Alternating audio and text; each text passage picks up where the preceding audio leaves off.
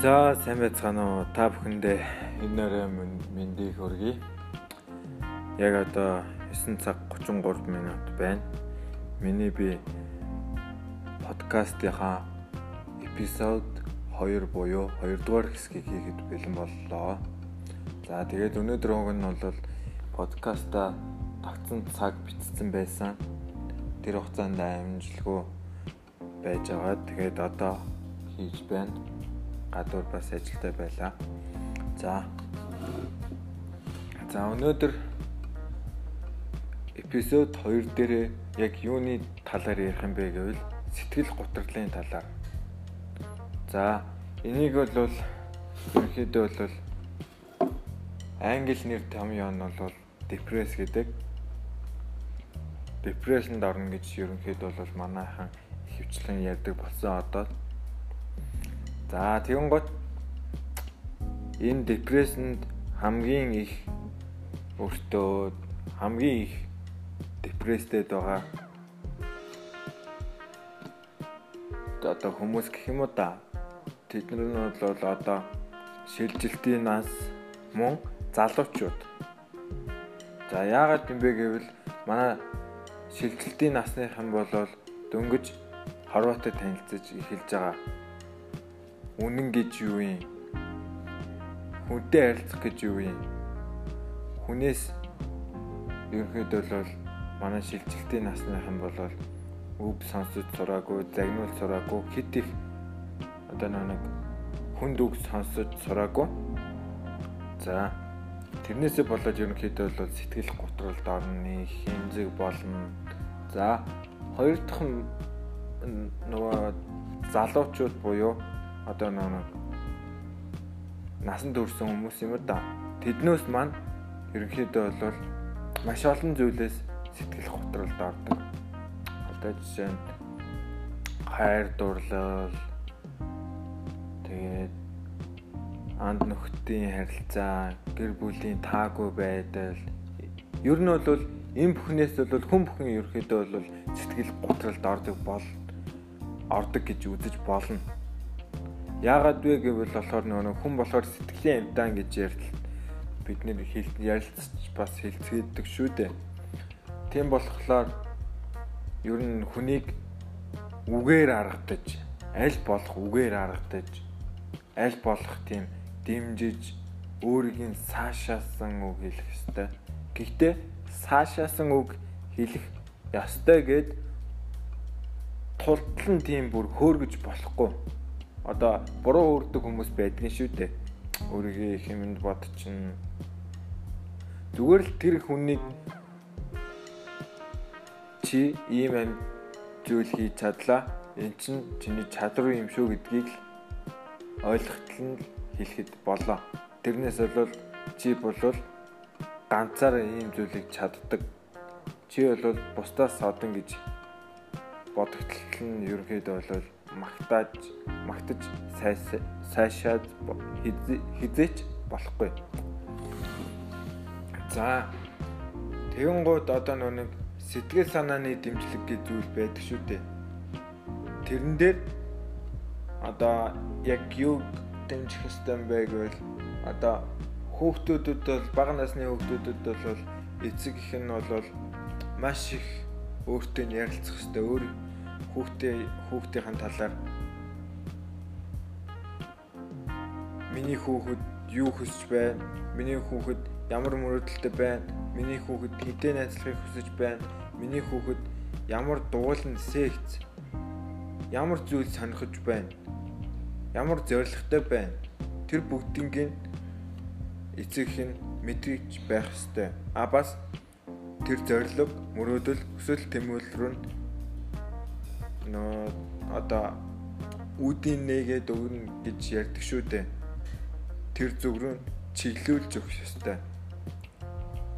Зөвхөн энэ дээр нөгөө нэг дан ганц багшийн одоо аа ерөнхийдөө бол нэг хэсэг манай монголчууд чинь багшил сайн байвал болоо багшийн чадвараас сурагчийн чадвар харагдана марагдана гэдэг. Тэр бол хизээч үггүй заах аргачлал сайтай одоо сонирхолтой заадаг багш нар хувьд бол тэр хэд өөртөө тодорхой тэр зүйлийг бол маш сайн судлаад хүүхдүүдэд яавал сонирхолтой заавал ойлгох вэ гэдэг зүйлийг өөртөө судлаа мэдсэн байгаа болохоор одоо тэр нэг сонирхолгүй заадаг багш магш бол тэр бол сонирхолтой заах эсэх нь бол өөрийнх нь дур сонирхол байхгүй багшийн. Тэгээд бас хүүхэд сонирхолгүй байсан ч гэсэн тэрийг гэртээ хараад цаашаа өөрөө давтах эсэх нь өөрөө бүр цаашаа нухаж үзэх нь хүүхдийн өөрийнх нь бас ухамсар байхгүй юу? Өөрийнх нь нэг сонирх сурах хүсэл ирмэлзэл Тэрэн дээр нь бол багш нар нь ч гэсэн ерөнхийдөө бол эрэг сөрөг талыг нь бол хүүхдтэйгээ аль болох тийм энэрэнгүй хандах ёстой. Хизээч битгий ерөнхийдөө бол шилжилтийн насан дээр байгаа хүүхдүүд рүү дайрч давшилсан хандлагаар яаж болохгүй. Яг гэвэл би сая подкастынхаа ихэнх хэсэгт хэлсэн шүү дээ. Тэднэр нь маань дөнгөж Хорвоотой танилцаж байгаа болохоор бид тэдгэрийг аргадж харьцах ёстой. За тэгэнгუთ аа энэ нэг багш ч гэсэн ерөнхийдөө бол хүүхдүүдийн хүсэл мөрөөдөл рүү чиглүүлэх гол төлхөр нь байхгүй. За тэгэнгუთ эцэг эхчүүд хүүхдүүдийнхээ хинтээ найзалж байна. Хаана юу хийж байна гэдгийг цаг тухай бүрт нь бол асууж болохгүй. Яг гэвэл хүүхдүүд сүулдэ залхаж эхэлдэг байхгүй юу? Ягаад залхдаг вэ гэвэл яг ингээд бодсон сансан зүйл ингээд за өнөөдөр би жишээ нь өөрөө жоохон байлаа гэж бодъё л да би дахиад хүүхэд нас руугаа буцлаа гэж бодъё. Тэгэл ингээд сайхан дугуулн руугаа явахгүй л байж хад угаасаа өнөөдөр ээж аав нь дугуулантайг мэднэ. Тэгээд явангууд хаана явж ингээд асуунгууд мэдээ чи дугуулан руугаа явж байгаа юмыг хаана явж ин гэж асуувал би лав дотроо бүхэнд нь байгаа байхгүй юу. Яагаад гэвэл хэрэгээр асуугаад юм шиг эсвэл намайг гадуурдын митинг нэдэн гэж бодоод байгаа юм шиг эсвэл надад итгэдэггүй юм шиг санагдаж байгаа байхгүй юу. Тийм болохоор ерөнхийдөө тэгж асуусны хэрэггүй тийм зүйл ер нь байсны хэрэггүй. За тэгэнгუთ одоо нэг найзлж байгаа хинтээ найзлж байгаа байж байгааг нь мэдэж байгаа хэрэгтэй гэсэн. Тэр зүгээр л бүр амар тэгж дип асуухгүй бүр амар гүнзгий асуухгүй. Танай найзыг хин гэдгийг чи хэдэн жил хэзэнээс найзалж эхэлсэн чи найзынхаа дуртай зүйлийг мэдгүй Тэгээд найз чинь ям найз чинь ямар хоббитэй? Чи найз найзтайгаа нэг хоббитэй юу? Гээл тэгэл асуучих эдгэрэг. Тэгэл ерөнхийдөө бол хүүхд чинь хинтээ найзалж байгаа нь өөрөө мэддээд ирэх хэрэгтэй байхгүй юу? За хүүхд төр ингэж болоо. За одоо тэгэн гот залуучууд бид нэр одоо ямар зүйлээс стресс аваад депресс авж байгаа юм бэ гэвэл бид одоо нэг одоо наад захын одоо хайр дурлал гэдэг зүйлээс бол бид нэр ерөнхийдөө бол одоо сэтгэл готролд их орж байгаа.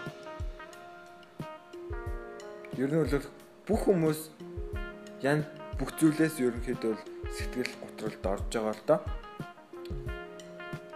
Тэгээд аа одоо жишээ нь найз охинтойгоо маргалдаад эвлэрч чадахгүйгээр бүр мөсөн салсан тохиолдолд бол хоёр талд бол угаасаа хоёлаа шаналж зовж сэтгэлийн хэмрэлд ордог. Салж байгаа тохиолдолд хоёр хүн хоёр хос салж байгаа тохиолдолд хизээч нэг хүн зовно гэж байдаггүй. Хэрвээ чамайг чамаас салаад чамтай үерхээр удаан байсан ирнэ. Чамаас салангуудаа дараа нь дараагийн нэг удалгүй ерөөхдөө өөр хүнтэй үргэлжүүл чамд ерөнхийдөө бол им надад лав юм бодол төрн намайг мартах гэж байна. Эсвэл надад тайргүй байсан юм байна гэд. Ерөнхийдөө л тэрийг л ойлгочиход болоо. Тэгээд аль болох ерөнхийдөө сэтгэл готрол автахгүй тулд сэтгэл готрлаас зайлсхийн тулд эерэг байх ёстой байхгүй хүн өөрөө бас эерэг байх ёстой хүнийг ойлгож хүнийг сонсож сурах ёстой аа би ингэж миний бодол зөв гэд хөндлөө ерөөсө бодлоо тулгаж болохгүй.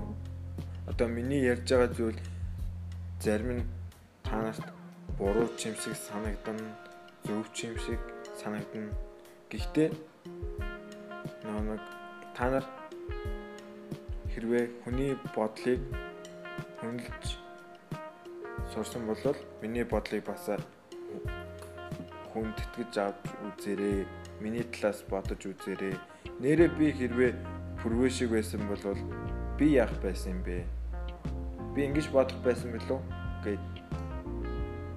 Хэрвээ пүрвэ битөө ихэр байсан бол пүрвэ пүрвэгийн занг би зөвшөөрөх байсан уу? Пүрвэгийн занг би дуурайх байсан уу? Пүрвэгийн үзэл бодлыг би хүлээн зөвшөөрөх байсан уу? гэд бодоод үзээрэй. Хэрвээ надтай хамт амьдардаг байсан бол шүү дээ. Тэгж төсөө төсөөлөөд бас бодож үзээрэй. За тэгээд маш олон зүйлсээс сэтгэл готролд ордог гэж ярьжсэн л та. Ярьсан л та тий. Тэгээд хамгийн гол нь бол энэ подкастн дээр бид яг би яг юг ярих гээд байгаа юм бэ? Та нартай яг юг ойлгуулах гээд байгаа юм бэ гэвэл хүмүүсээ нэгэнтэйгээ харьцахдаа аль болох зааг тодорхой хэмжээнд заагласан хүндлэлтэй харьцах ёстой шүү. үгээр хүнийг аалтч болно, сэргээч болно гэх. Энэ энэ подкастын өнөөдрийн сэдвийнх нь хамгийн гол утга учир нь шүү. Хүн хүнийг үнэлэх ёстой, хамгийн их ойлгох ёстой гэд би та нартаас өмнөх подкастн дээр хэлжсэн шүү дээ.